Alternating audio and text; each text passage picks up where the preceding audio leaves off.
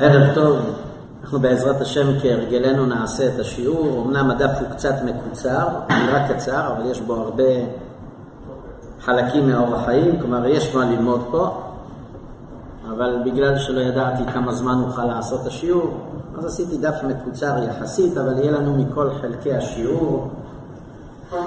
וכמובן, אם חלילה תשמע אזעקה, אז כשיוצאים מפתח בית המדרש, שמאלה יש מדרגות שאפשר לרדת למרתף. מי שירצה לעמוד פה בין הקירות, אבל בעזרת השם, זכות האור החיים הקדוש, ישמור ויגן על כל יושבי ארץ ישראל בעזרת השם. אז נתחיל בדברי הזוהר. הזוהר שבחרתי, אתם רואים בראש העמוד, קטע קצר יחסית, אבל הזוהר שבחרנו הוא לא קשור דווקא לפרשת השבוע, הוא קשור יותר לאקטואליה. של הימים האלה, על הפסוק בפרשת לך לך, כאשר המלאך מתגלה להגר, והוא אומר לה, הנך הרה ויולדת בן, והבן הזה תקראי את שמו ישמעאל, והוא יהיה פרא אדם. אני חושב שהשבוע הזה לא צריך לדבר עד כמה הוא פרא אדם. אז הזוהר הקדוש, לא, לא עבר את זה, תכף תראה בזוהר שפרא אדם זה הגדרה מדויקת. מי שמגדיר אותם כחיות אדם הוא טועה. תכף נבין גם למה. אבל הזוהר הקדוש גם עומד על שורש ההבדל ומאיפה זה צץ. אז בואו נראה קטע בזוהר שממש משקף את מה שלצערנו עם ישראל חווה בימים האלה וחווה עדיין. תנא רבי שמעון, שנה רבי שמעון בר יוחאי, זכאי נינון ישראל דקוצ'ה בריחו קרלון אדם. אשרי עם ישראל שהקדוש ברוך הוא כינה אותם בתואר אדם. איפה ראינו שהשם כינה אותנו בתואר אדם? שנאמר ביחזקאל, ואתן צוני, צאן מרעיתי, אדם אתם. הנה השם אומר, אדם אתם, אתם בני אדם. וגם כתוב בספר ויקרא, אדם כי יקריב מכם קורבן להשם. אז השם מכנה אותנו בתואר אדם. מהי טעמה קרלון אדם? אומר הזוהר, ולמה אנחנו נקראים אדם? משום דכתיב, ואתם הדבקים באדוני אלוהיכם. אומר הזוהר, כיוון שאנחנו דבקים בהשם, לכן אנחנו נקראים אדם, או בני אדם. ותכף הזוהר יגיד מה זה הדבקות, אבל צריך להדגיש, ואתם הדבקים. שבוע גם הזכרנו את זה באחד השיעורים, ואתם הדבקים, יש פה הדגשה. יש פה הדגשה בפסוק, ואתם הדבקים בהשם. תכף נעמוד על זה, אבל נקרא עוד קטע בזוהר ונראה דבר מעניין. אומר הזוהר, אז בגלל שאנחנו דבקים בהשם, אנחנו נקראים אדם. אומר הצדיק, דכיוון דברנש התגזר, כיוון שיהודי עובר ברית מילה, על בברית דגזר קודשא בריחו באברהם. ביום שיהודי עובר ברית מילה, הוא נכנס שלב ראשון לעם ישראל. כי עכשיו, אחרי הברית, אתה נכנס לברית שהשם כרת עם אברהם וזרעו. אז ברית המילה זה כניסה ראשונה לדבקות בהשם. וכתיב, וכתיב, ואדוני ברך את אברהם בכל. מה זאת אומרת בכל? אז לפי דברי הזוהר, בכל כפי שגם ראינו באור החיים, בכל זה כינוי לשכינה. השם ברך את אברהם בכל, בשכינה. השכינה נקראת כל, כי מי שדבק בשכינה לא חסר לו כלום, יש לו הכל. והשם ברך את אברהם, על ידי הברית, השם ברך את אברהם בכל, שאברהם יהיה דבק בכל שזה השכינה. אז כשיהודי עושה ברית, הוא זוכה לדבקות ראשונה בהשם. וכתיב חסד לאברהם, ואברהם אבינו מידתו חסד, מכוח דבקותו בהשם, שגם השם הוא חסד. ושרה למעל באי אדם, ואז האדם נכנס, היהודי נכנס למידת אדם, אבל שרה, שרה פירושו, האדם זוכה להיכנס חלקית לתואר אדם. כשאתה עושה ברית, אתה זוכה לניצנים ראשונים להיקרא אדם, אבל זה עוד לא מושלם. ממשיך הזוהר, כיוון דזכה לקיימה פיקודי אורייתא, כשיהודי בגיל 13 נכנס לעוד ברית, ברית המצוות, זוכה לקיים מצוות, אז על בבאי אדם יתיר, אז אתה נכנס יותר למדרגת אדם. והתדבק בגופה דמלכה, ואז אתה זוכה להיות דבק ממש בגוף המלך. להיות דבק בגוף המלך זה אומר לחבק את הקדוש ברוך הוא ברמח איבריך ושסה גידיך. וכדן יקרה אדם. אז הזוהר בקטע הזה בעצם הסביר למה אנחנו נקראים אדם, אנחנו עוברים שני שלבים. קודם כל, עצם זה שנולדנו לזרעו של אברהם זה כבר זכות, אבל זה לא מספיק, כי מאברהם יצאו עוד עמים. ברית המילה זו כניסה ראשונה, אבל הזוהר אומר, אתה עדיין לא אדם מושלם. בגיל 13 מתחייבים במצוות התורה, עכשיו אנחנו זוכים להיות מושלמים בתואר אדם. אז לפי הזוהר צריך שני תנאים, גם ברית וגם קיום מצוות. ואז הזוהר אמר, אתה לא רק דבק בשכינה, אתה דבק בגופו של המלך. כי ספר התורה כולו שמותיו של השם. וכשאתה מקיים את דברי התורה, אז אתה דבק בספר התורה, שהוא בעצם הקדוש ברוך הוא. אבל לאברהם היה עוד זרע, ממשיך הזוהר בקטע האחרון. וזרע בישראל יקרון אדם, אז אנחנו נקראים אדם. תחה זה, אומר הזוהר, בוא נתבונן. מה כתיב בה בישמעאל, אצל ישמעאל מה כתוב? והוא יהיה פרא אדם. מדייק הזוהר פרא אדם ולא אדם. ויש פה סתירה. פרא זה לא אדם, ואדם זה לא פרא, אז מה זה ההכלאה הזאת פרא אדם? אומר הזוהר. פרא אדם משום דהתגזר, ושירותא דאדם הווה ב. דכתיב, וישמעאל בנו בן שלוש עשרה שנה באימולו את בשר עורלתו. כיוון דהתגזר, על בהאי שירותא דיקרא כל.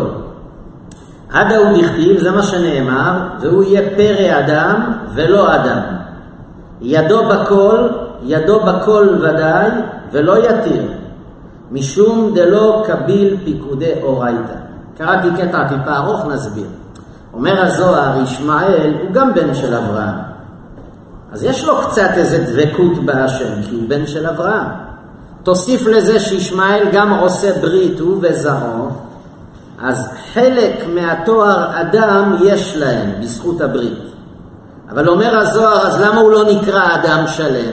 למה הוא נקרא רק פרא אדם? אומר הזוהר, כי מצוות התורה הם לא מקיימים. אז יש בו ניצנים של אדם, אבל רובו הוא לא אדם.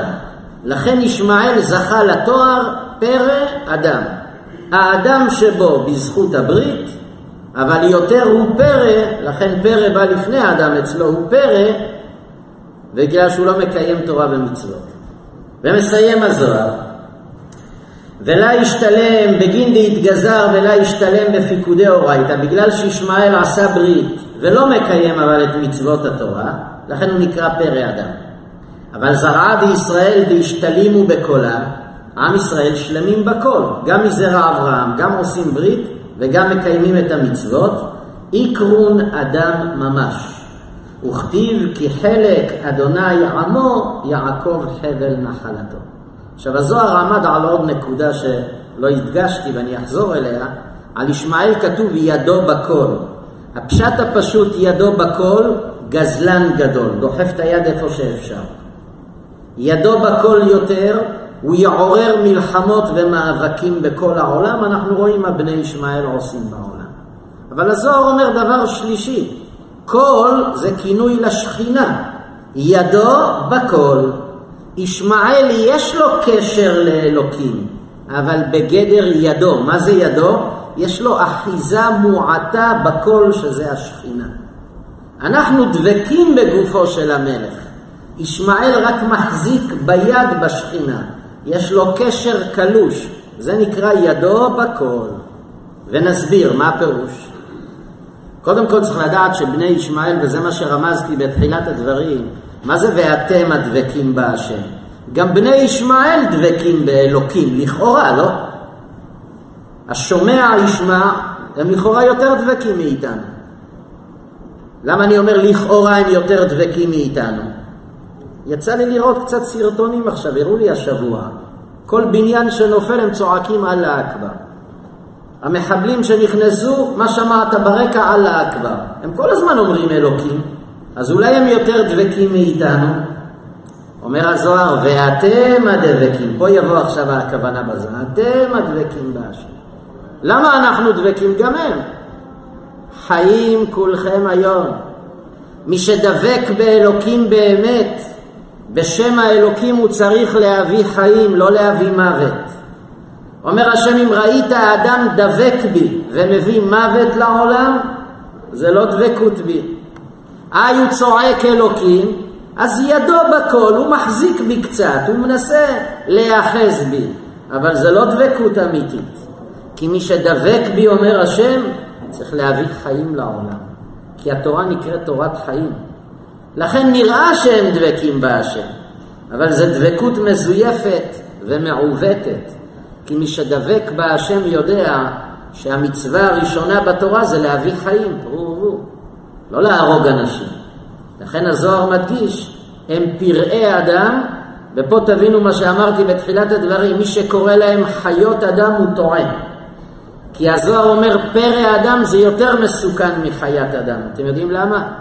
כי חיה בחיים לא תעשה כזה נזק. כשאריה טורף בן אדם הוא אוכל אותו כי הוא רעב.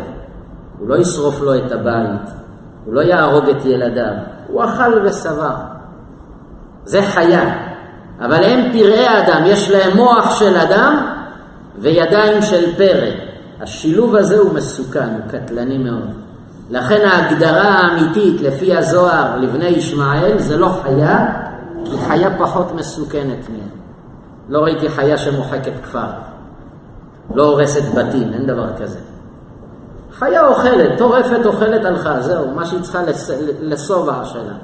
אומר הזוהר, הם פראי אדם, יש להם כוח של אדם, מוח של בן אדם, אבל תרכיב לזה את הפרא שבהם, מתכון מסוכן להרג והשחתת העולם.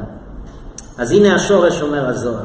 כשאתה רואה פראי אדם כאלה, אומר הזוהר, כיוון שהם לא זכו לקבל את תורת האלוקים. לא היה משהו שיכניע בהם את המידות הפראיות שבהם. אז יש להם קצת אדם, קצת, אבל זה לא חיובי, זה שלילי. כי הם קיבלו מוח של בן אדם, אבל הם משתמשים בו לרעה, ותראו כמה נזק הם מביאים. אז איך כבר אמר הנביא, בעזרת השם חרבם תבוא בליבם. נעבור לדברי הצדיק, רבי יעקב אבוחצירא. אנחנו עדיין מהשבוע שעבר בפסוק, ואשא כפיי אל מצוותיך אשר אהבתי, ואשיך בחוקיך. רבי יעקב נתן לנו שבוע שעבר הסבר על הפסוק, והנה עכשיו יש עוד הסבר בדבריו על הפסוק הזה. אומר הצדיק, אי נמי, ואשא כפיי אל מצוותיך. מה התכוון דוד? אני נושא כפיים אל המצוות. משום שאמרו רבותינו ז"ל, שהידיים עם האצבעות של האדם דוגמה עליונה הן. ואין לאדם לישא אותם בחינם כי אם בתפילה. כלומר, אומר רבי יעקב על פי הזוהר בפרשת יתרו, תדע לך שהידיים של האדם, אני לא מדבר על איברים יותר מורכבים כמו מוח ולב, אבל הידיים של האדם הם כמו דוגמה עליונה. מה זה כמו דוגמה עליונה? הם מעין ידיו של הקדוש ברוך הוא. לא בצורה, אלא בהשפעה. כשהשם נושא ידיו, למרות שהשם אין לו ידיים, אבל רק לסבר את האוזן, כשהשם נושא ידיו, הוא פועל בעולם, כי אשא ידי אל שמיים. נשבע השם בימינו. כשהשם מרים ידיים, זה עושה השפעות בעולם. אומר הזוהר, גם כשאתה נושא ידיים, אתה משפיע בעולם. כלומר, לפי דברי הזוהר, כך מתכוון רבי יעקב, כל תזוזה של אצבע משנה משהו בעולמות. לכן צדיקים, אפילו אצבע לא היו מזיזים בלי מחשבה. לא היו נוקפים אצבע מלמטה אלא אם כן גזרו מלמעלה, כן? היה חושב לפני שהוא מזיז אצבע. כי הצדיקים ידעו איזה השפעות יש לנו בידיים. לא סתם ציוו שהכוהנים יברכו אותנו בנשיאת כפיים. תגידו לי, כהן לא יכול לעמוד על התיבה ככה ולברך? מה, למה צריך את הידיים? חייב ידיים? מה קרה? מפה תבין שגם הידיים יש להם השפעה בהורדת הברכה. ידיים של יהודי זה עולמות שתלויים בהם. אומר הצדיק, אז סתם לשאת ידיים בחינם, לא כדאי, כי כל תזוזה של יד משפיעה בעולמות העליונים. אבל, כמו שכתוב, רק בתפילה אתה יכול לשאת כפיים. כמו שכתוב, ויפרוס כפיו אל השם, וכמו וישא אהרון את ידיו אל העם ויברכם, וכן בנטילת ידיים לברך, הכוונה, יש עניין לשאת ידיו בשעת ברכת על נטילת ידיים, כתוב שירים את ידיו כנגד ראשו, יד ימין מעל שמאל קצת, שם יש עניין לשאת ידיים. בבחינת שאו ידיכם קודש וברכו את השם. אבל סתם להשתמש בידיים ללא סיבה, אומר רבי יעקב, כל תזוזת יד משפיעה בעולמות עליונים. לפי זה אומר הצדיק, ועכשיו, אבל לישא אותם בחינם, אין לישא אותם. ועכשיו הוא אומר לעניין השאלות והבקשות. עכשיו הוא מתחבר לפסוק אחרי ההקדמה הזאת. ועכשיו אומר לעניין השאלות והבקשות שאני שואל ומבקש ממך, שתעוררני לקיים מצוותיך. ולזה העניין, ראוי לי לישא כפיי ולשאול ממך שתמלא שאלתי. אחרי שראינו כמה חשוב שכל תזוזת יד של אדם תהיה מתוך סיבה, לא סתם, אומר דוד, כשאני מתפלל על המצוות, על זה אני נושא כפיים. כן, אני מתפלל עם ידיים למעלה. למה? כי על המצוות שווה להפעיל את הידיים בתפילה. אם ידיים פועלות בשמיים, התנועה הזו של נשיאת כפיים, על המצוות שלך אני נושא כפיים. ולזה העניין ראוי לי לישא כפיים, ולשאול ממך שתמלא שאלתי, כמו העני הפושט את ידו ומחזר על הפתחים. כך אני נושא את כפיי ושואל מלפניך. ועל דבר זה של קדושה אין שום חטא בנשיאות כפיים. כאילו רבי יעקב רומז, כל הוזזת יד לחינם, גם עליה האדם יתבע בשמיים. למה השתמשת בידיים סתם? הידיים שלך זה ידיים קדושות. זה ידיים שדומות לשל הקדוש ברוך הוא. אבל אומר דוד, כשאני מתפלל על קיום המצוות, זה לא נקרא לחינם. שם שווה לשאת כפיים בתפילה. ולשאול, וכוונתי אין לי לישא כפיי ולשאול שאלה מלפניך, זולתי לקיים מצוותיך אשר אהבתי, וגם כן אין לי לשיח כי אם בחוקיך, וזהו ואשיך בחוקיך. אז הנה הפסוק מתפרש הפלא, ואשא כפיי אל מצוותיך. אומר דוד, לשאת כפיים לחינם זה בעיה. אבל כשאני מתפלל על לקיים את המצוות, ואשא כפיי אל מצוותיך. ולמה בזה אני משקיע תפילה עם נשיאת כפיים? אשר אהבתי. אין דבר בעולם שאני אוהב יותר מהמצוות שלך. ואשיך בחוקיך. וגם כשאני לומד את התורה, אני מתפלל על הצלחה בתורה בנשיאת כפיים. מתוך דברי רבי יעקב למדנו, אני חושב, רמז מאוד מעניין, כמה הידיים של יהודי משפיעות בעולם. כמה תנועת אצבע יכולה להשפיע. כמה שכר האדם יקבל אפילו על הושטת ידיים למצווה. כי ידיו של יהודי כעין דוגמה עליונה. אז הנה ראינו שני העניינים, גם בזוהר וגם ברבי יעקב, ואומנם הזמן ככה קרוב, אבל אני כבר נכנס לדברי האור החיים, ייתכן שהיום נסיים קצת יותר מוקדם בהתאם לחומר שלפנינו. אז אני נכנס לדברי האור החיים הקדוש, הוא ממש בהמשכו של הדף.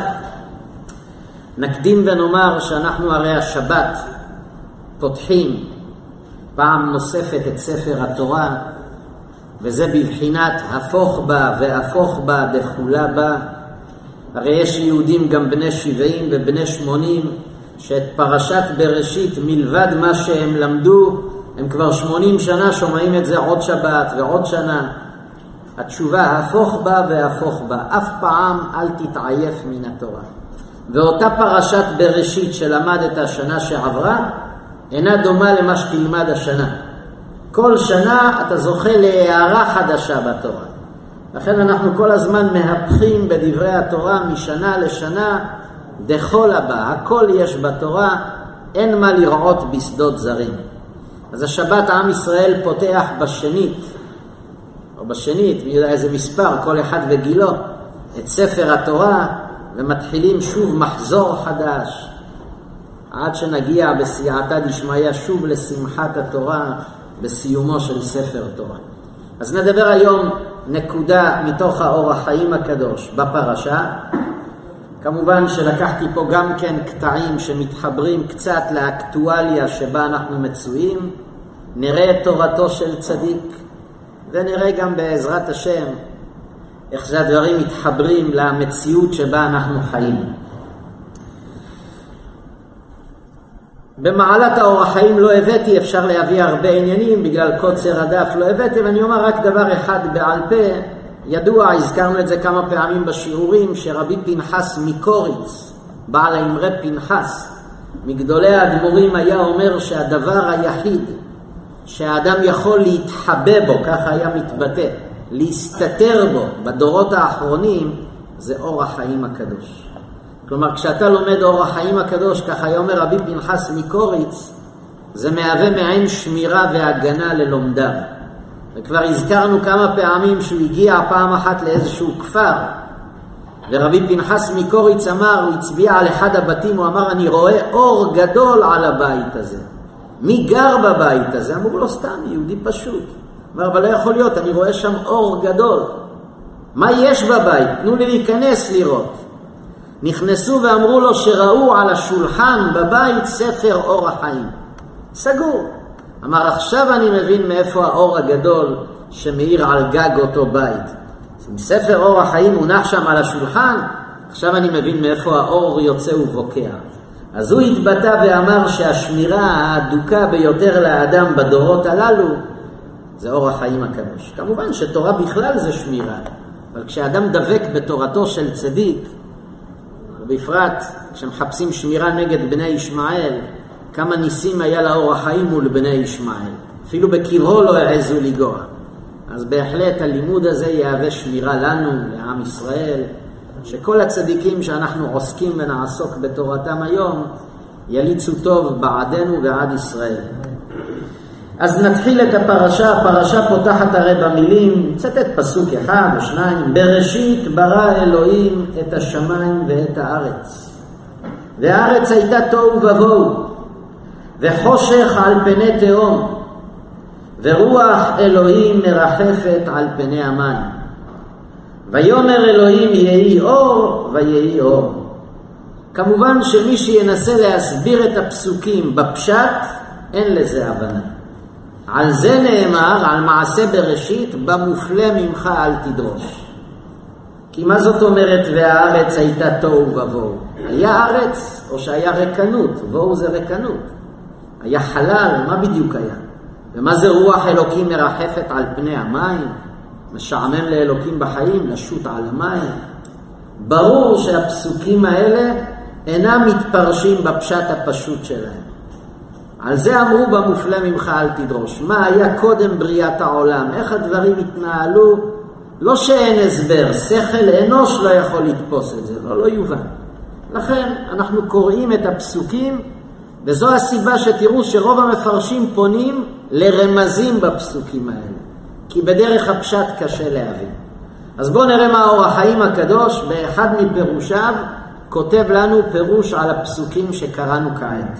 אומר הצדיק, וגם פה נקדים ונאמר, הפסוקים הראשונים, שתי הפסוקים או השלושה הראשונים של ספר בראשית, מה שקראנו עכשיו, האור החיים כתב עליהם 22 פירושים.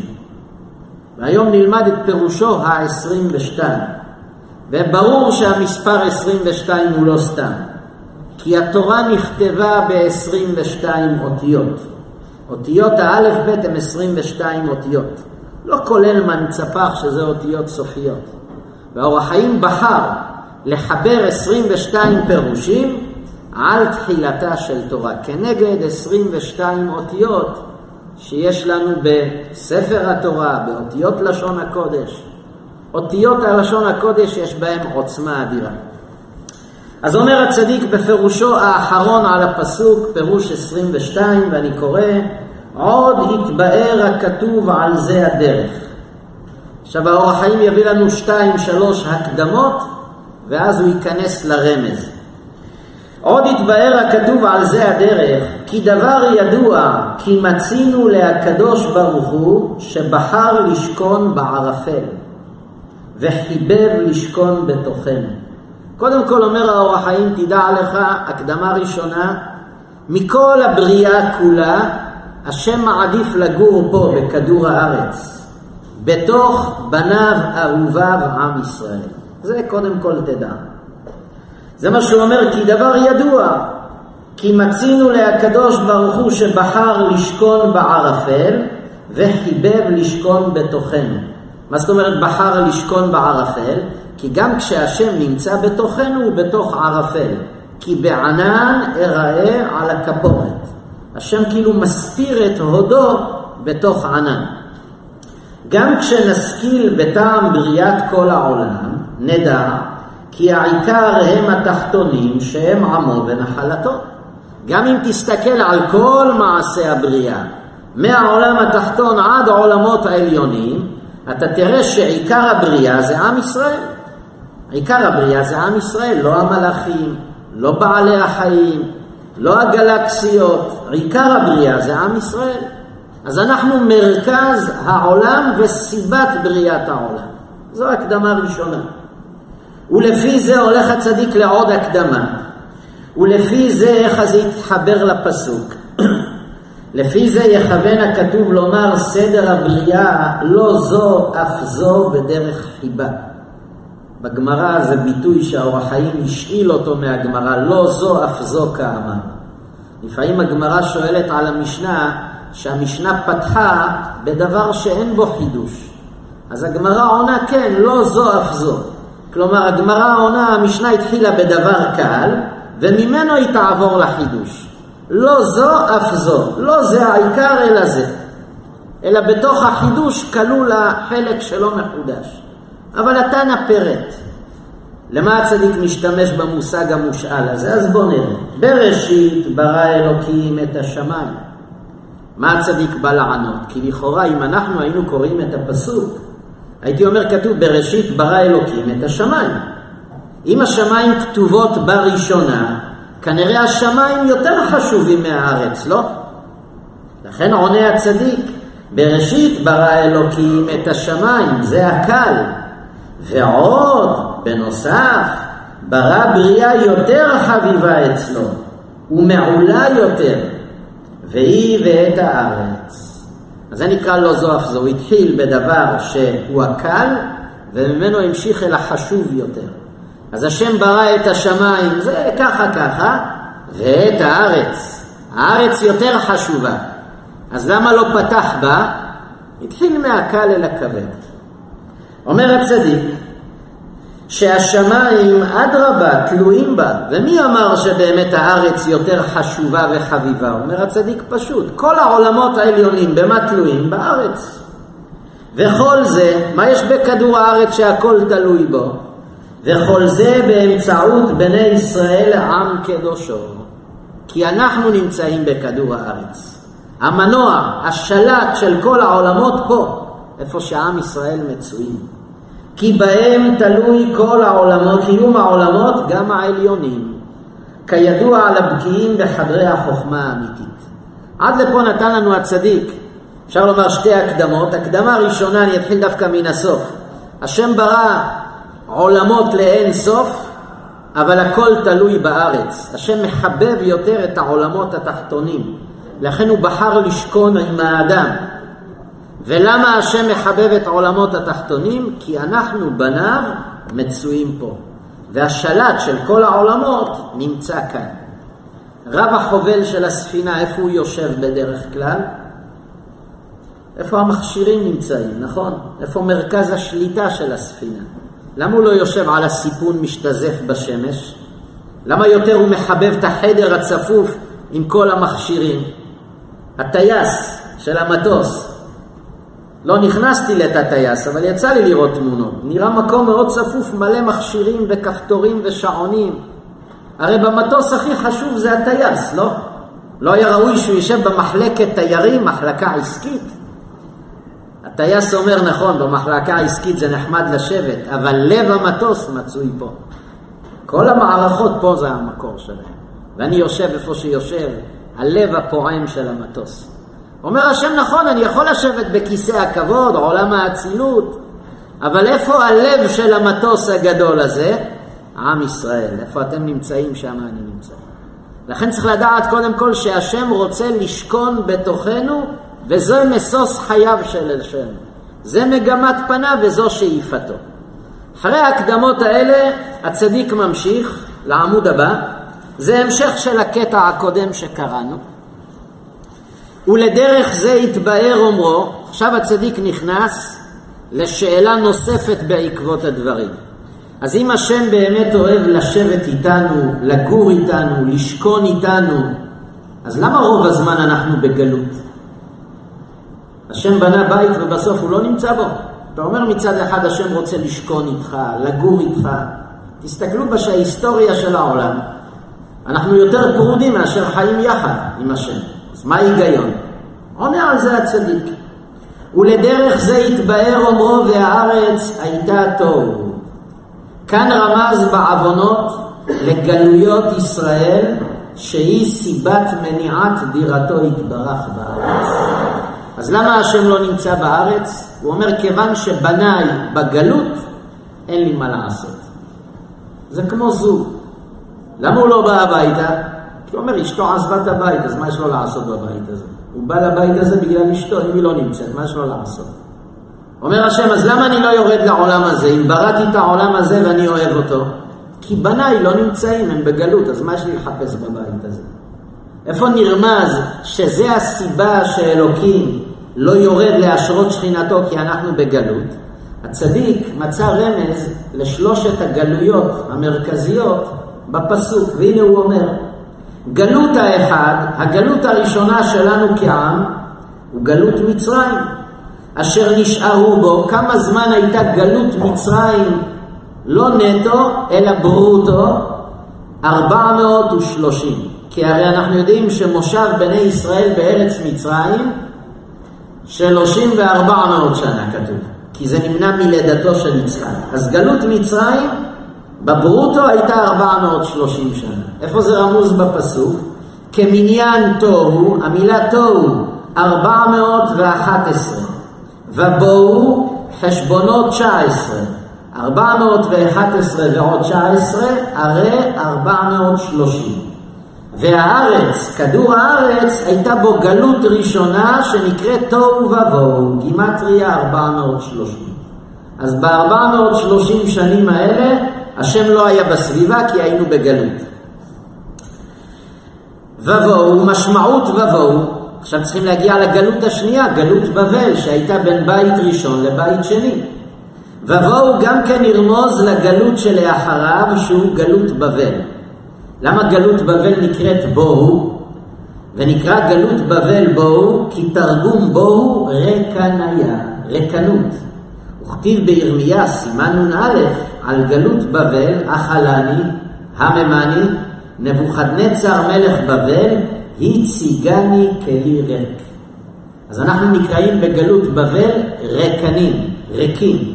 לכן בואו, שזה לשון ריקנות, רומז לגלות בבל. אז והארץ הייתה תוהו ובואו, גלות מצרים. ובואו, שזה ריקנות, גלות בבל. והגלות השלישית, וחושך על פני תהום ירמוז על הגלות המר, זו הגלות הזאת, אשר אנו בו שקועים בתהום, אשר אין לו סוף, זה אלף ושש מאות שבעים ואחת שנה. למה אלף שש מאות שבעים ואחת שנה? אנחנו כבר אלף תשע מאות חמישים וארבע שנים, כי האור החיים כתב את זה לערך לפני שלוש מאות שנה. כשהוא כתב את זה, הם היו רק בגלות של 1671. היום כבר עברו קרוב ל-300 שנה, כבר הגענו ל-1954. אז נמצא, אומר האור החיים, חושך על פני תהום זה הגלות האחרונה. למה היא נקראת תהום? כמו תהום שהיא עמוקה מאוד ולא רואים את הסוף, גם הגלות הזאת לא רואים את הסוף.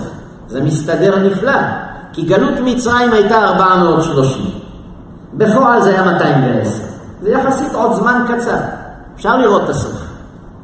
גלות בבל עוד יותר קצרה, שליש, 70 שנה. הגלות הזו קרוב לאלפיים שנה ואתה לא רואה את הסוף. לכן היא נקראת תהום. כמו שאדם עומד על פתח התהום הוא לא רואה את העומק.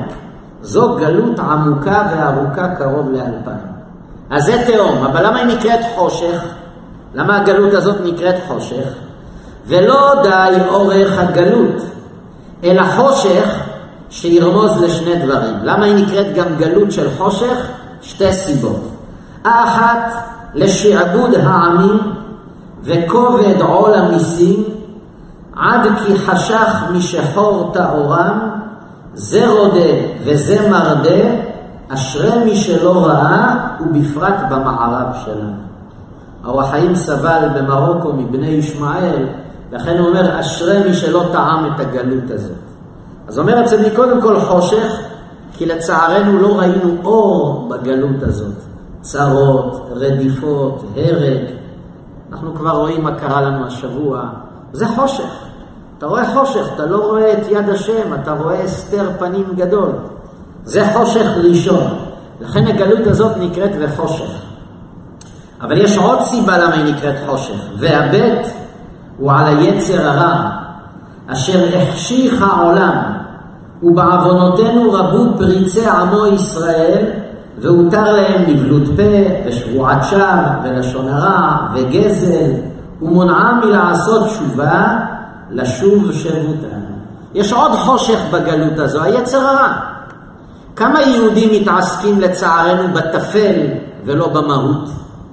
כמה יהודים מרכז חייהם היום זה לא תורה בכלל? מעניין אותם דברים אחרים, תרבויות זרות, זה נקרא חושך. היצר משנא עיניהם של ישראל. אנחנו רוקדים וחוגגים סביב דברים שהם לא קשורים לתורה, זה נקרא חושך. לא באשמתם, אבל תראה, היצר מביא הרבה חושך לעולם. גם צרות וגם חושך רוחני. אז אומר הצדיק, אנחנו היום מצויים בגלות שנקראת חושך על פני תהום. והבאתי את האור החיים בשביל ההמשך, אז איך יוצאים מהגלות הזאת?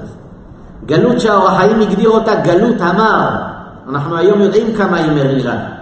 גלות מרה, מהרג להרג, מצרה לצרה, מאינתיפאדה לאינתיפאדה, נכון? מגזרה לגזרה, מדרום לצפון, מצפון לדרום, כמו כדור. זה גלות מה? איך יוצאים אבל מהגלות? בסדר, הבנו, אנחנו בגלות עמוקה כתהום. אומר הצדיק, יבוא סוף הפסוק. ואומרו רוח אלוקים מרחפת על פני המים. אמרו במדרש, מי זה רוח אלוקים? זה רוחו של משיח. מרחפת על פני המים, אין מים אלא תורה. על דרך אומרם בזוהר, ועכשיו תראו את המשפט המכונן, שלא יגאלו ישראל אלא בזכות התורה שנמשלה למען. היציאה היחידה מהגלות הזאת, דבקות בתורה ובמצוות. ורוח אלוקים מרחפת על פני המים. איך תצא מהתהום הזה? תהום זה בור עמוק של מים, איך תצא מהעומק הזה? איך תצוף על פני המים? תגיע לגאולה. ורוח אלוקים מרחפת על פני המים, אומר האור החיים, אין מים אלא תורה. ושוב אני חוזר על המשפט, שלא יגאלו ישראל, אלא בזכות התורה שנמשלה למים. ראיתם? אלא בזכות. כלומר, הצדיק מסייג, חותך אפילו בסכין חריף. היציאה היחידה מהגלות הזאת זה התורה הקדושה. תכף נבין למה הוא מתכוון יותר התורה, אבל אין סולם אחר לצאת מהתהום הזה. לכן גם בימים הקשים האלה, מי שחושב שמרכבות הפלדה יעזרו לנו, הוא טועה טעות מרה. שיטעה האדם טעות מרה, לא מרכבות הפלדה ולא ציפורי הפח שטסים בשמיים. זה בגדר השתדלות בעלמא, היציאה לקרב, כלי הנשק זה רק השתדלות, אבל לא הם הישועה. יש את הרוח של עם ישראל, רוח אלוקים. זה התורה, זה המצוות, זה מה שיוציא אותנו. ברור, תצא לקרב, תילחם, אבל זה השתדלות. לא משם תבוא הישועה. הסולם היחיד שיכול להעלות אותנו זה שלא יגאלו ישראל אלא בזכות התורה שנמשלה למעלה. ולמה? בוא נשאל שאלה. ולמה באמת? מה? אי אפשר לצאת מהגלות רק תורה, בלי תורה לא נצא. מה? יש עוד הרבה דרכים. למה הצדיק מסייג רק תורה? הנה בגלות מצרים יצאנו בלי תורה. אתם זוכרים איזה זכות הוציאה אותנו מגלות מצרים? ברית מילה. בדמייך חי. אז למה היום ברית מילה לא תוציא אותנו? צריך רק תורה. עונה על כך האור החיים בפרשת תצווה מקור ארבע. אור החיים מפורסם, ראינו אותו כמה פעמים. נאמר בפסוק, ואתה תצווה את בני ישראל. ויקחו אליך שמן זית זך כתית למאור להעלות נר תמיד. פשט הפסוק, משה מצטווה על הדלקת המנורה, לתת את ההוראה לאהרון. אבל אומר רבנו חיים בן עטר שם, אחרי שהוא מסביר את הפסוק, ובדרך רמז יתבאר הכתוב. על דרך מאמר הובא בספר זוהר חדש, כי ארבע גלויות של ישראל, כל אחד מהם נגאלו ממנו בזכות אחד. אה, הצדיק סותר את עצמו, לא? מקודם הוא דיבר על שלוש גלויות, אתם זוכרים? עכשיו הוא אומר ארבע גלויות. מה זה המע"מ? לא הבנתי, זה המע"מ? אה, משלוש זה קפץ לארבע? זה הריבית? התשובה הצדיק לא סותר. בגדול עם ישראל חווה שלוש גלויות. גלות מצרים, גלות בבל זה שתיים נפרדות, הגלות השלישית זה הגלות הזאת. אבל תראו שהגלות הזו היא גלות כפולה. כי התחילה אצל בני אדום, מי החריב את הבית השני? טיטוס, רומא, זה בני אדום, אבל היא תסתיים בגלות ישמעאל, בלי הפוגה. מאדום עברנו לבני ישמעאל. למה? כי כשהקמנו את המדינה, עד הקמת המדינה היינו בעיקר אצל בני אדום, אירופה, ארצות ספרד וכיוצא. כשהקמנו את המדינה, עברנו לגלות ישמעאל. השם מקיף אותנו בבני ישמעאל מכל הכיוונים. אז התחלנו בגלות אדום, אבל כיום אנחנו בגלות ישמעאל. לכן את הגלות האחרונה השלישית הצדיק פיצל לשניים. היא נקראת כאילו שתי גלויות. התחלת אצל אדום, אבל אתה מסיים את הגלות אצל בני ישמעאל. הסובבים סביבנו היום זה נטו בני ישמעאל. ומהם אנחנו מקבלים את הצרות הכי גדולות. לכן פה הצדיק קפץ לארבע גלויות, שלוש שהם ארבע. ולמה הגלות האחרונה רק תורה? אז הנה הצדיק מסביר. גלות הראשון נגאלו בזכות אברהם אבינו עליו השלום. גלות מצרים יצאנו בזכות אברהם. ואברהם אבינו הספיק לו זכות של ברית המילה ועקירת ושחיטת האליל המצרי שזה עשה, אמר אברהם לקדוש ברוך הוא, אם את שתי אלה הם נותנים, תוציא אותם מהגלות. לכן אברהם אבינו עוד היה קל כלפינו, שתי מצוות הוציא אותנו ממצרים. ותראו שגלות מצרים הייתה בגלל אברהם, כי אתם זוכרים ממי השם פחד, מאברהם אבינו. אני אומר פחד במרכאות. כי מה השם אמר? שלא יאמר אותו צדיק, אברהם, שעבדת אותם ולא נתת להם רכוש גדול. למה השם רק פחד מאברהם? מה, יצחק לא יטעם את הטענה הזאת? למה רק אברהם? כי השם ידע שגלות מצרים, מפקד הגזרה של גלות מצרים זה אברהם. יצחק לא יטען טענות, יצחק יגיד זה לא המשמרת שלי, זה אברהם שידאג להם. לכן השם פחד שאברהם יטען את הטענה. זה מתחבר שגלות מצרים יצאנו בזכות אברהם. ב', גלות שנייה שזה גלות בבל, נגאלו בזכות יצחק. ג', שזה גלות אדום, תחילת הגלות הארוכה הזאת, בזכות יעקב. והיום אנחנו בשלהי הגלות הזאת, גלות ישמעאל. זה נקרא כבר גלות רביעית. והדלת תלוי בזכות משה, ולזה נתארך הגלות. בשבעים שנה האחרונות, מי מפקד הגזרה שלנו? משה רבנו. וזה מעכב את הגאולה. למה? כי משה רבנו יש לו דרישות גבוהות, תשמעו מה הדרישות.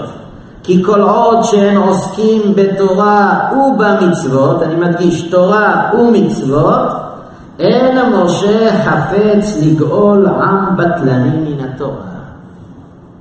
אומר השם למשה, נו משה, מתי גואלים אותם? תן הוראות. אומר, עוד לא הגיע הזמן.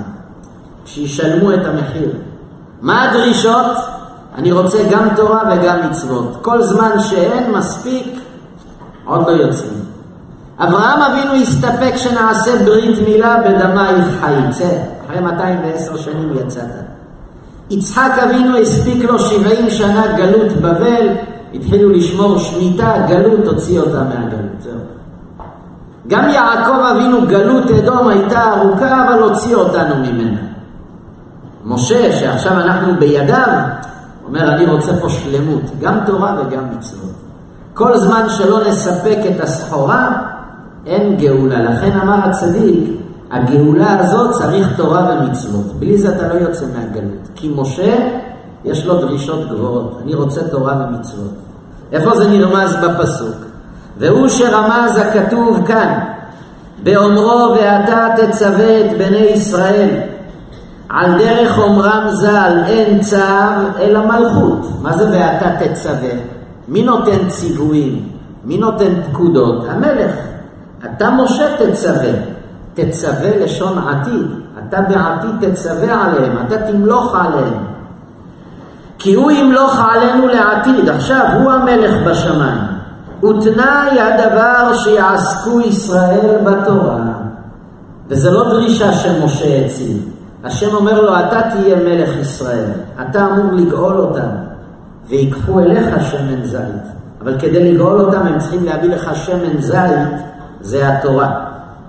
וזהו אומרו, ויקחו אליך שמן זית זך, ירמוז אל התורה שנמשלה לשמן, מה השמן מאיר לעולם כך התורה.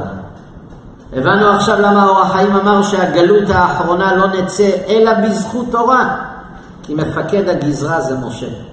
ומשה קיבל הוראות, אתה לא מוציא אותם מהגלות עד שישלמו שני מחירים, גם תורה וגם מצוות. ואני רוצה שמן זית זך, כי פה האור החיים עונה על שאלה, מה, אין תורה בעם ישראל? לא הבנתי. מה, אין קיום מצוות? התשובה יש. קודם כל, יש חלקים גדולים שאין בהם תורה ומצוות, זה קודם כל. וגם מי שמקיים תורה ומצוות, שימו לב, לא תמיד זה זך, שמן זית זך. כבר הזכרנו בפרשת דברים את דברי רבי פנחס הורוביץ, בעל ספר הברית, מקובל מתקופתו של הגאון מווילנה, שהוא אמר שגם יהודים שמקיימים מצוות, קשה להגיד את זה, אבל זו מציאות, אם תקלף את השכבות, אתה תראה שהיהודי בדרך כלל מקיים מצוות לכבוד עצמו.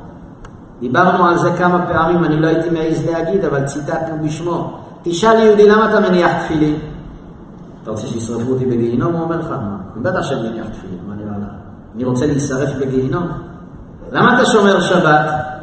הבטיחו, כל השומר שבת, מענג שבת, נותנים לו נחלה בלי מצרים, אני רוצה ברכה, אני רוצה שפע. זה לא שמן זית זך, אתה מקיים מצוות, אבל בשביל האינטרס שלך. כי אתה רוצה להיות עשיר. כי אתה לא רוצה להישרף בגיהינום. זה גם בסדר אגב, אבל זה לא מספיק. זה מוריד לנו 50% מערך המצוות. אז מה השאיפה? שמן זית זך. למה אתה מניח תפילין? פשוט מאוד. כי אלוקים אוהב את התפילין, אני רוצה לעשות לו טוב, זהו. שכר? לא חושב על שכר. שם אנחנו לא תמיד נמצאים. למה אתה שומר שבת? בשביל להיות עשיר? מה פתאום? אלוקים אוהב את השבת, זה יום מנוחתו, אני רוצה לעשות לו טוב. זה שמן זית זך. לכן לא נסתכל ימינה ושמאלה, להגיד יש הרבה תורה ומצוות. יש, אבל בשורש אנחנו מאבדים 50% מהערך. לכן אומר האור החיים, תדע לך, הגאולה היחידה שתוציא אותך מהגלות המר הזה, לא מרכבות פלדה ולא מטוסים. תורה ומצוות. נכון, צריך להילחם בבחינת השתדלות, אבל הרוח שתוציא אותך זה רוח תורה ומצוות. לכן כל הסיסמאות שמפריחים אנשים ברחוב, הם לא יודעים על מה הם מדברים. והשם מראה לנו פעם אחר פעם שלא בחיל ולא בכוח, כי אם ברוחי אמר השם. אנחנו העם הכי חכם בעולם. בסוף עם אופנוע קטן עובדים עלינו בעיניים. אומר השם, אז תגיד לי, מה אתה אומר? מה אתה אומר? כל העולם עומד בתדהמה, איך העם החכם בעולם. העם עם הטכנולוגיות שמפיץ לכל העולם, בסוף קומץ ברברים עשה לו תרגיל יפה מתחת לאף. אומר השם, אני רק רוצה להראות לך שלא הכוח, לא הפיזי שלך, לא זה מה שיוציא אותך מהגלות. כי אם ברוחי רוח אלוקים מרחפת על פני המים. אם אנחנו רוצים לצאת מהר מהגלות הזו, זה תלוי רק בנו. כמה שנכניס רוח של תורה, רוח של מצוות, היציאה תהיה יותר מהירה. אז בוא נשאל עכשיו שאלה. אז אתה אומר שזה הסולם היחיד לצאת. ומה יקרה אם עדיין לא יהיה תורה ומצוות? אז לא נצא. אז נהיה בגלות חמשת אלפים שנה. לא הבנתי. אם אתה אומר לאור החיים שהסולם היחיד לצאת מהבור הזה זה תורה ומצוות, ואם הרבה יהודים ימשיכו לא לקיים תורה ומצוות, מה יהיה אז? אז לא נצא, אז זהו, עבדנו. אומר האור החיים במקור חמש, אור החיים מעניין בפרשת ויחי. יהודה מתברך על ידי יעקב אבינו ואומר לו כך, בין יתר הברכות, לא יסור שבט מיהודה ומחוקק מבין רגליו. עד כי יבוא שילה, שילה זה המשיח, ולא יקהת עמים, יקהת פה רש"י מסביר כל העמים יתקבצו על המשיח. אוסרי לגפן עירו, כשיהודה ירצה לקשור את העירו, עירו זה לשון עיר, החמור שלו, הוא יקשור אותו לגפן. ולסורקה, סורקה זה הענפים של הגפן. בני אתונו, כשהוא ירצה לקשור את האתון, שזה נקבת החמור, נקבת החמור, הוא יקשור אותה לענפים של גפן. כיבס ביין לבושו, ובדם ענבים סוטו. יהודה, אתה תכבס את הבגדים שלך ביין ובדם ענבים. דם ענבים זה גם כינוי ליין שהוא אדום כדם. תגידו לי, מה יעקב אבינו מברך את יהודה ביין, בענבים, בגפן? מה קרה? מה? מה? ואיזה יין זה היה? ירדן או דלתון? על איזה יין יעקב מדבר? מה זה? יין, גפן, מה, מה יעקב אבינו מדבר? אתה מברך את יהודה עכשיו, לכבס את הבגדים עם יין? מה אתה רוצה יעקב? על מה אתה מדבר? מה יעקב אבינו מדבר פה דברים לכאורה לא מציאותיים? מי מכבס את הבגדים שלו ביין? אומר האור החיים, יעקב אבינו מדבר מילים פה, אבל הראש שלו במקום אחר. הוא מסתכל רחוק. כיבס ביין, התבאר על דרך אומרם ז"ל. כי גלות רביעית, אתם זוכרים, אנחנו עכשיו בגלות רביעית, גלות ישמעאל, שבו יגלה, לא יגלה לשון גלות, שבו יגלה, לשון התגלות, הגואל העצום. מי זה הגואל העצום? זה המשיח.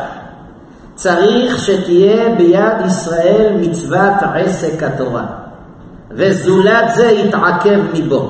אז כבר שלוש פעמים קראנו באור החיים, ראיתם? במקור שלוש, ארבע וחמש, שלוש מקורות שונים, האור החיים אומר, בלי עסק התורה אין גאולה. שמעת? אין גאולה, אל תבנה על שום דבר אחר.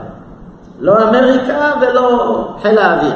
גאולה בלי תורה אין.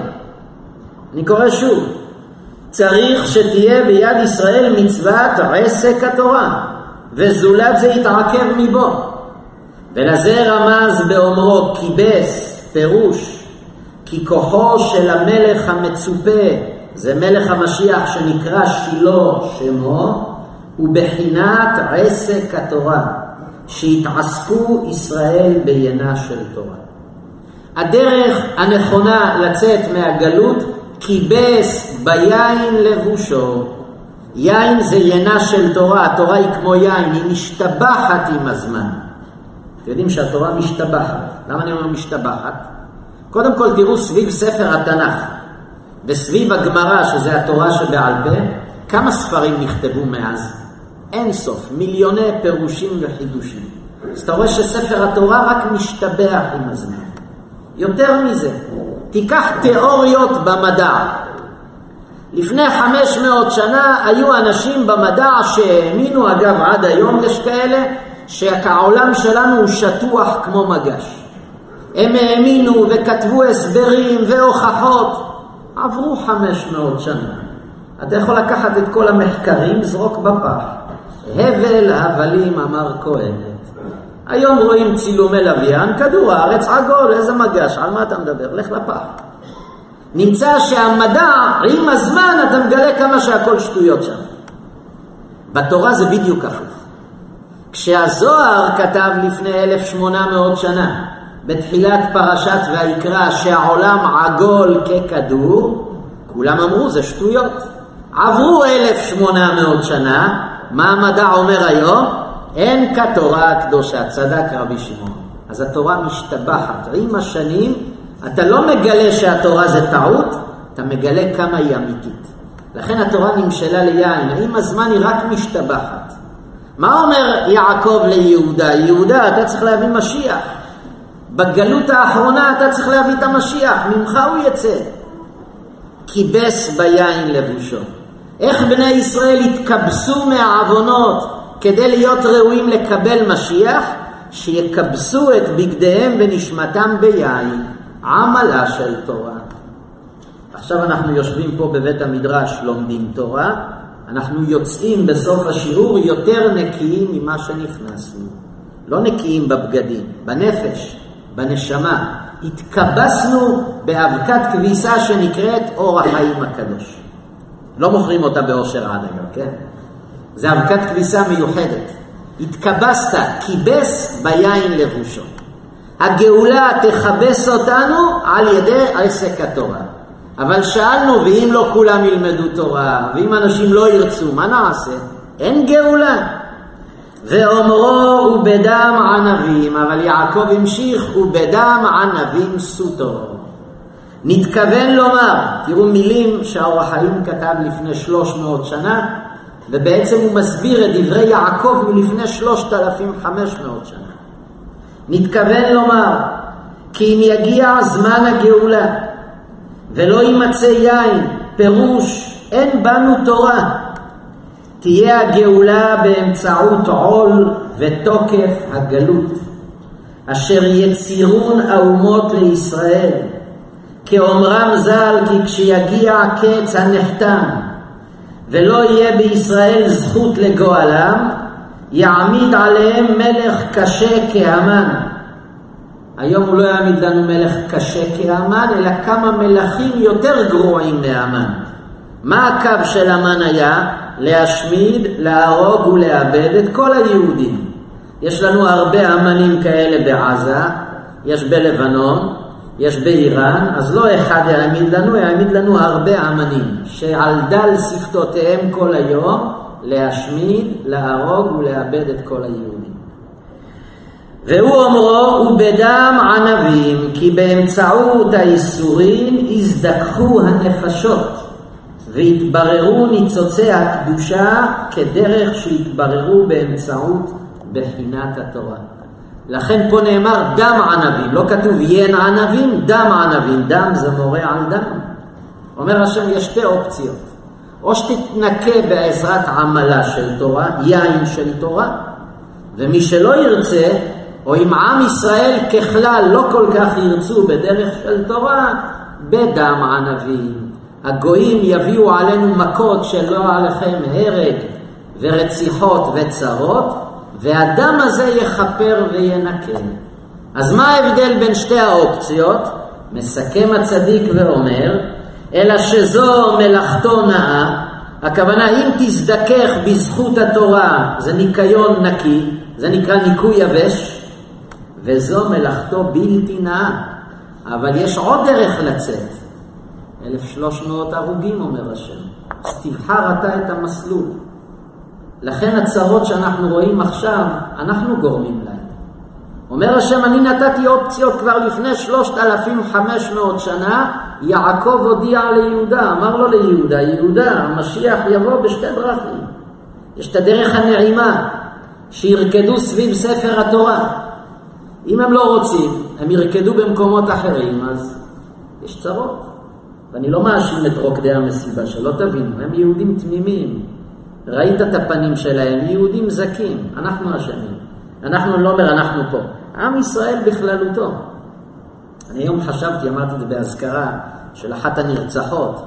אני אמרתי היום ככה, תוך כדי נסיעה באוטו, נפל לי איזה נקודה שאמרתי, אני אשתף. הרי הגמרא אומרת סימן המילתא, סימן יש לו משמעות, השם מדבר איתנו בסימנים. סימן אחד פחות נוגע למה שדיברנו כעת, אבל אני אגיד אותו. היום במקרה אני ככה חושב, אתם יודעים, בראש אתה שומע כל היום את מקומות הפיגועים, ופתאום הדהד לי שהמסיבה הייתה באזור שנקרא רעים. כי מישהו הראה לי היום סרטון איפה שם חנויות שרופות והיה שם שלט רעים. והיום זה נפל לי, אמרתי, רגע, רעים בלשון הקודש זה לשון רע. שמח תשמח, רעים אהובים, לא? למה השם היכה אותנו במקום שנקרא רעים? לא היכה אותם, זה את כולנו. כי אין יהודי שלא מכיר משפחה או שתיים של הנרצחים, לא? כולנו קיבלנו מכה בבטן. למה השם היכה אותנו במקום שנקרא רעים? הרי השם יכל לגלגל שהמסיבה תהיה באזור אחר. אומר השם כי הרעות, האהבה ביניכם מתה. איפה האהבה ביניכם? נגמר האהבה. בשנים האחרונות רק שנאה. הנה תקבלו במקם של מקום נקרא רעים. כי אם אין רעים, אז יבואו הרעים חס ושלום. ראית מה עשו לך? אם תהיה ביניכם אהבה, אחווה ורעות, לא יבואו הרעים, כי עם ישראל מאוחד, מי יכול עליו? זה סימן ראשון שככה חשבתי, נראה לי שהוא אמיתי. למה השם היכה אותנו בשמחת תורה? שמחת תורה? לא יכל לחכות עוד יום? למה דווקא בשמחת תורה? אומר השם, כי לקיתם בשמחתה של תורה. מה אמר האור החיים? מה יוציא אותנו מהגלות? תורה. אומר השם, בשנים האחרונות אני לא רואה מספיק שמחה בתורה. יש חלקים בעם שהם נגד התורה. וגם מי שעוסק בתורה, הרבה פעמים הוא מרגיש כעול, הוא לא עושה את זה באמת בשמחה. אנחנו צריכים לבוא לבית המדרש בריקודים, לרקוד על הראש. אם היינו מבינים איזה אוצר יש לנו ביד. אומר השם תורה, המפתח לכל הגלות הזאת תורה, לכן המכה בשמחת תורה. גם היום שהשם בחר הוא סימן. סתם השם מכה בלי הבחנה. גם היום הזה מעיד הרבה. איך אמר האור החיים? השם רוצה תורה. ותורה זה לאו דווקא ללמוד תורה. מספיק שיהודי מחובר לתורה, תומך בלומדי התורה, מדבר בעד התורה, זה כבר חשוב. הראו לי, אחרי הסיפור שהיה ביום כיפור, שהפריעו לתפילות, אז היה בבית המשפט העליון דיון אם אפשר יהיה לעשות שמחת תורה, אי אפשר. אז מישהו הראה לי סרטון, באמת התרגשתי, כמעט בכיתי. עמדה שם יהודייה, לא יודע איך קוראים לה, לא יודע מי. בחזות היא נראית אישה לא דתייה. מכנסיים, לא תגידו עכשיו כיסוי ראש. והיא ממררת בבכי במסדרונות של בית המשפט, מי שראה את זה. היא אומרת, איך יכול להיות שבעם ישראל, במדינת ישראל, צריכים לדון אם מותר לעשות שמחת תורה ברחובה של עיר. כשאני ראיתי את זה אמרתי, תראה מה זה. זה נקרא שיש תורה בעם ישראל. כי בחזות החיצונית היא קודם כל אישה, היא פטורה מלימוד תורה. היא לא נראית שומרת מצוות בחזות, אבל היא נקראת שהיא עוסקת בתורה. תראה באיזה כאב היא בוכה שצריך לנהל דיון אם עושים שמחת תורה ברחובות. כשהאור החיים אומר התורה תוציא אותנו, זה לא שמחר כולנו יושבים בבית המדרש 24 שעות, לא. לא כולם בנויים, אבל צריך את זכות התורה. לשמוח בתורה, איך נשמח? או שאתה לומד תורה, או שאתה מעודד לומדי תורה, או שאתה תומך בתורה. שיהיה לנו קשר לתורה הקדושה. זה הזכות שתוציא אותנו. לכן כל חייל שיתווסף לתורה, כל יהודי שלא לומד תורה, אבל הוא יכיר בערכה של תורה, יגיד כן, אין כתורת אלוקינו. בימים האלה רואים הרבה סרטונים, הראו לי גם חיילים שרוקדים באחד המוצבים עם ספר תורה. זה נקרא קשר לתורה. ברגע הזה הם נלחמים, הם לא לומדים תורה, אבל תראה איך הם רוקדים עם המדים ועם הנשק, לא סביב הטנק, סביב ספר התורה. אז הוא השתמש בנשק, אבל הריקוד שלו מורה התורה היא מרכז חיי. זה התכוון הרוח חיים, הוא לא התכוון שעכשיו 20 מיליון יהודים רק בבית המדרש. זה משהו לא הגיוני שיקרה כנראה, אם כן יהיה איזה נס. אבל קשר לתורה. לכן השם היכה אותנו בשמחת תורה. אומר השם, אני רואה שיהודים לא שמחים בתורה, הם מרגישים שתורה זה עול, הם מרגישים תורה זה משהו מדכא. ותחת אשר לא עבדת את השם אלוקיך בשמחה, אתם יודעים כבר מה כתוב. לכן המפתח ליציאה מהגלות זה תלוי בנו. אם נשמח בתורה, נרבה תורה, נרבה מצוות, נחבר את עצמנו קשר ישיר או עקיף, יוצאים מהגלות בסולם הכי טוב. אם חס ושלום לא רוצים, אנחנו גם נצא מהגלות, אבל בדם ענבים סוטו. דמם של עם ישראל נשפך כמים, וזה הכל תלוי בנו. אז ישאל השואל, אז אתה מייאש אותנו, אה? מה נגיד לך, לא נראה לי שאנשים פה כולם יתחברו לתורה מחר, לא נראה לי. יש בכנסת עוד אנשים מאוד בעייתיים, שעוד מדברים נגד התורה, אז תגיד לי, אז מה, אין סיכוי? אז האור החיים ענה על השאלה הזאת. הוא כותב במקור 6, שזה המשך למקור 3 בפרשת בראשית. ולא יאמר אדם בראותו כל כך ירידת ישראל, כל אורך הזמן, כי חס ושלום אבדה תקווה מבנים. יגיד האדם, טוב, התייאשתי, עזוב, אתה אומר שרק תורה תוציא אותנו? מה אני אגיד לך, לא נראה לי שזה יקרה בעשור הקרוב. אז מה? אז אין לנו סיכוי, זהו, עבדנו. אומר הצדיק, לא כן הוא, אלא ויאמר אלוהים יהי אור, אחרי שחושך על פני תהום, אחרי שהגלות הקשה תסתיים, מה כתוב? ויאמר אלוקים יהי אור. מה זה האור הזה? הוא אור הגאולה העתידה המופלא. זה הגאולה הסופית. ואומרו ויהי אור, למה נאמר ויהי אור? תראו זה חידוש אומר הצדיק. על דרך אומרם בתיקוני הזוהר, ויהי רז, שאור בגימטריה רז. הרי אם תיקח את המילה אור, זה 207. רז, סוד, זה 207. כאילו כתוב ויהי אור, אור הגאולה מתי יהיה? רז, זה סוד. איזה סוד זה? הכוונה שגזר השם יתעלה שמו, שאור זה של מלך המשיח לא יתגלה בעולם ויהיה סוד טמון אצלו. אומר השם, הגאולה תהיה בסוף, אל תתייאש. מתי זה יקרה? זה סוד שרק אני יודע. מתי יהי אור? אור גימטריה רז. זה יקרה, אומר האור החיים, אל תתייאש. היום, מחר, זה סוד שרק השם יודע. לכן אם שמעתם אנשים שאומרים, שני הבא, שלישי הבא, מי שיודע לא מדבר ומי שמדבר לא יודע כלום. כי הנה האור החיים סותר אתם ואומר, ויהי אור, אור הגאולה, אור גימטריה סוד, רז. רק אלוקים יודע מתי הוא ילחץ על הכפתור. אז אל תתייאש. הגאולה תבוא. השאלה באיזה צורה. זה תלוי בנו, אבל היא תבוא בסוף. אין מציאות שאתה תשכח בגלות. ואז מה יקרה, אומר הצדיק, מקור שבע, ואז כתוב, ויהי בערב ויהי בוקר יום אחד, כי בחינת הרע נסתלקה ואינה. כשיהי אור, אם אנחנו נביא אותו בכוחותינו על ידי תורה ומצוות, אנחנו נדליק את האור. אם לא נרצה להדליק את האור, אז הוא יהיה בעל כורחנו על ידי איסורים, אבל בסוף האור ידלק. הקדושה תנצח. לא צריך להיבהל מאלה שרוצים להרוג אותנו, כי היו אנשים לא פחות מסוכנים מהם, גם פרעה ניסה להרוג, גם המן, גם טיטוס. נכון, זה כואב המכות שהם נותנים, אבל בסוף אנחנו ננצח, כי עם ישראל הוא עם הנצח. בסוף האור ידלק אצלנו, לא אצלם. ברוך השם, היום כבר יש להם הפסקות חשמל שם, כבר התחילו לח... לכבות להם אורות. כבר נמצאים בכיבוי אורות, עוד מעט עשו להם כללי.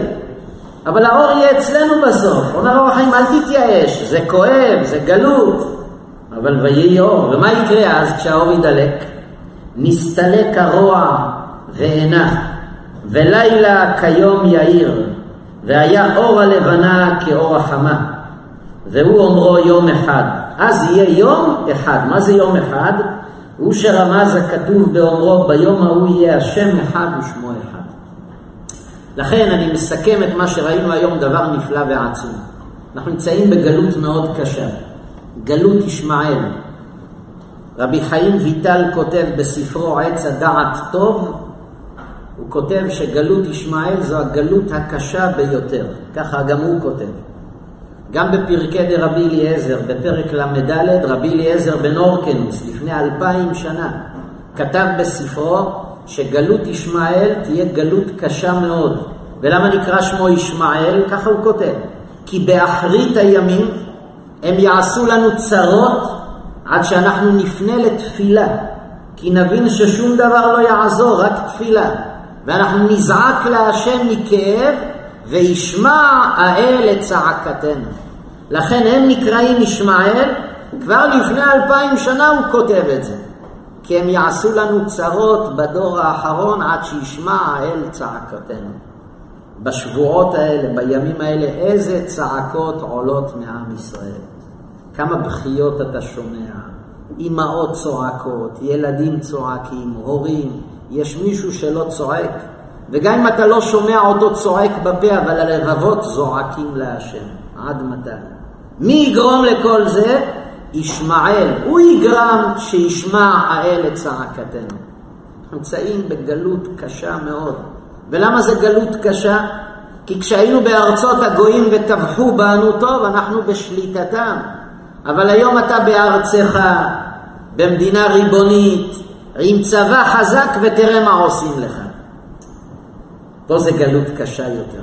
זה גלות קשה, שאתה בבית שלך ומכים אותך. זה גלות קשה. נו, אז איך יוצאים? גילה לנו היום האור החיים בשלוש מקומות שונים בספרו. אגב, הוא כותב את זה בעוד מקומות. אבל הבאתי רק שלוש ציטוטים.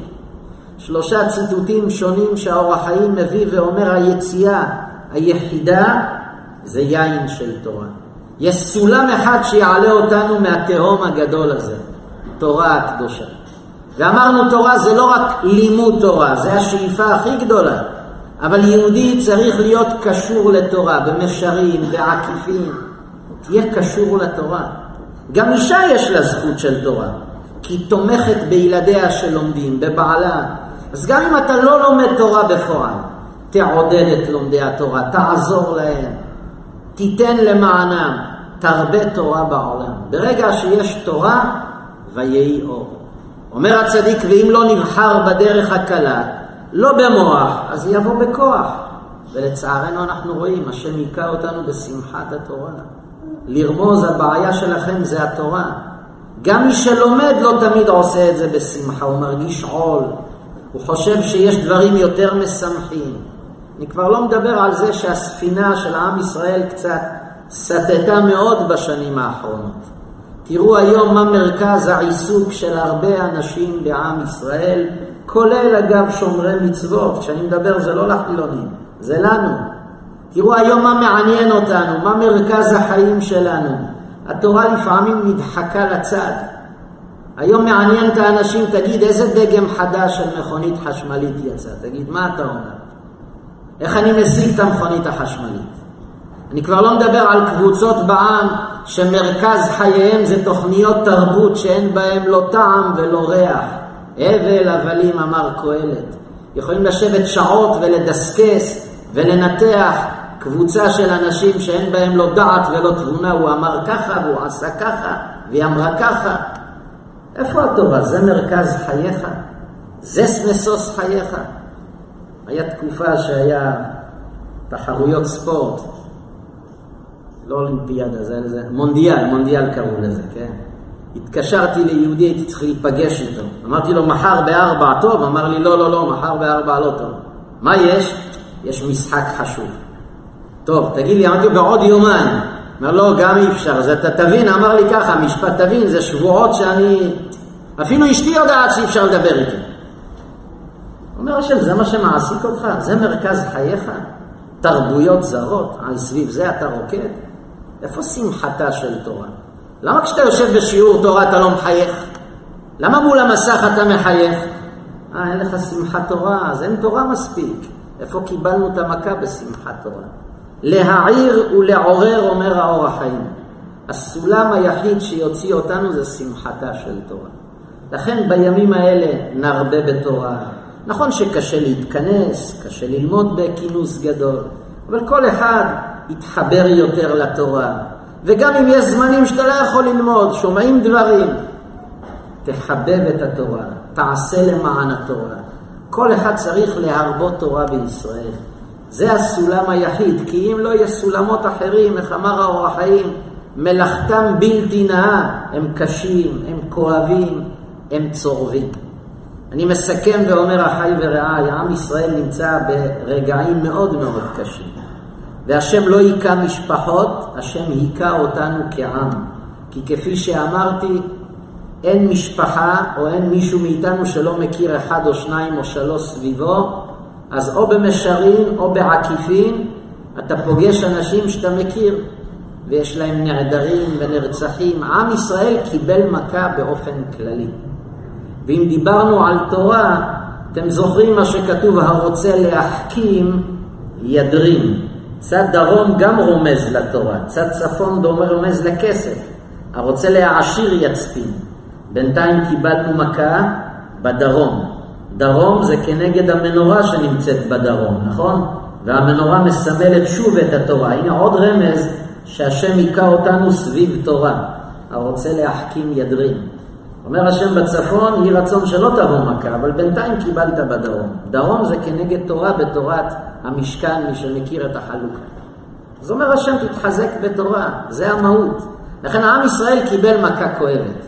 מפה צריך רק לעלות. מי שיפול לזרועות הייאוש זה גם לא נכון. השם לא רוצה שנתייאש. כשמקבלים מכה צריך לקום מהמכה. המה קראו ונפלו, ואנחנו קמנו ונתעודד. קשה, כואב, אבל נסתכל לקדוש ברוך הוא בין בעיניים ונגיד, הבנו את המסר. קיבלנו מכה במקום שנקרא רעים. מהיום אנחנו נהיה יותר רעים, יותר אוהבים. זה לא משנה מה הוא לובש, במה הוא מאמין, הוא יהודי כמוך. הוא בן לאברהם, יצחק ויעקב. גם הוא יצא משרה אימנו. צריך לאהוב, צריך לקרב, להאיר פנים. נכון שיום שהיום הארת פנים גדולה, אבל זה לא חוכמה. אחרי כזאת מכה, בטח שכולנו מאוחדים. אבל אנחנו יכולים לחסוך את המכות האלה. להיות עם נתינה ואהבה בלי מכות. ואז זה הרבה יותר חזק. ונזכור שוב שצריך גם תורה ומצוות. השם היכה אותנו גם בשמחת תורה ובדרום שזה רומז לתורה הקדושה. אם נתחזק משני הדברים האלה, קיבלנו את הסולם הכי טוב לטפס ולעלות. יהי רצון שזכות הצדיקים שהגינו היום בתורתם, רבי שמעון בר יוחאי, רבנו חיים בן עטר, ורבי יעקב אבוחצירא, וכמובן כל הצדיקים שהזכרנו את שמם ותורתם, בראש ובראשונה יליצו טוב ויעתירו תחת כיסא הכבוד בעד עם ישראל כולו, שהשם ישלח רפואה שלמה לכל הפצועים והחולים מבני עמנו, כל השבויים והחטופים, השם ישמור עליהם מכל רע, וישיב אותם בריאים ושלמים לעבודתו יתברך, לביתם, למקומם. כל חיילי הצבא וכל כוחות הביטחון שברגעים האלה נלחמים בחירוף נפש, ילכו לשלום ויחזרו לשלום. השם ידבר את אויבינו תחתיהם. ואנחנו כלל עם ישראל בזכות הצדיקים האלה, ואתם הלומדים פה והשומעים מרחוק, שדבקים גם ביום כזה מתוח, באתם ללמוד תורת השם, ייתן השם שכל משאלות לבכם לטובה, ואתם שלום וביתכם שלום, ומכאן לגאולה השלמה במהרה. בעזרת השם גם שבוע הבא נעשה שיעור באותה מתכונת. הצדיקים כבר יפעלו בשמיים, שהשטח יהיה פנוי, וכבר עד אז אני מקווה שמשיח יבוא בכלל. אז בירושלים עיר הקודש הבנויה. רבי חנניה בן הקשיא אומר, רצה הקדוש ברוך הוא לזכות את ישראל. לפיכך הרבה להם תורה ומצוות שנאמר, אדוני חפץ למען צדקו, יגדיל תורה וידין.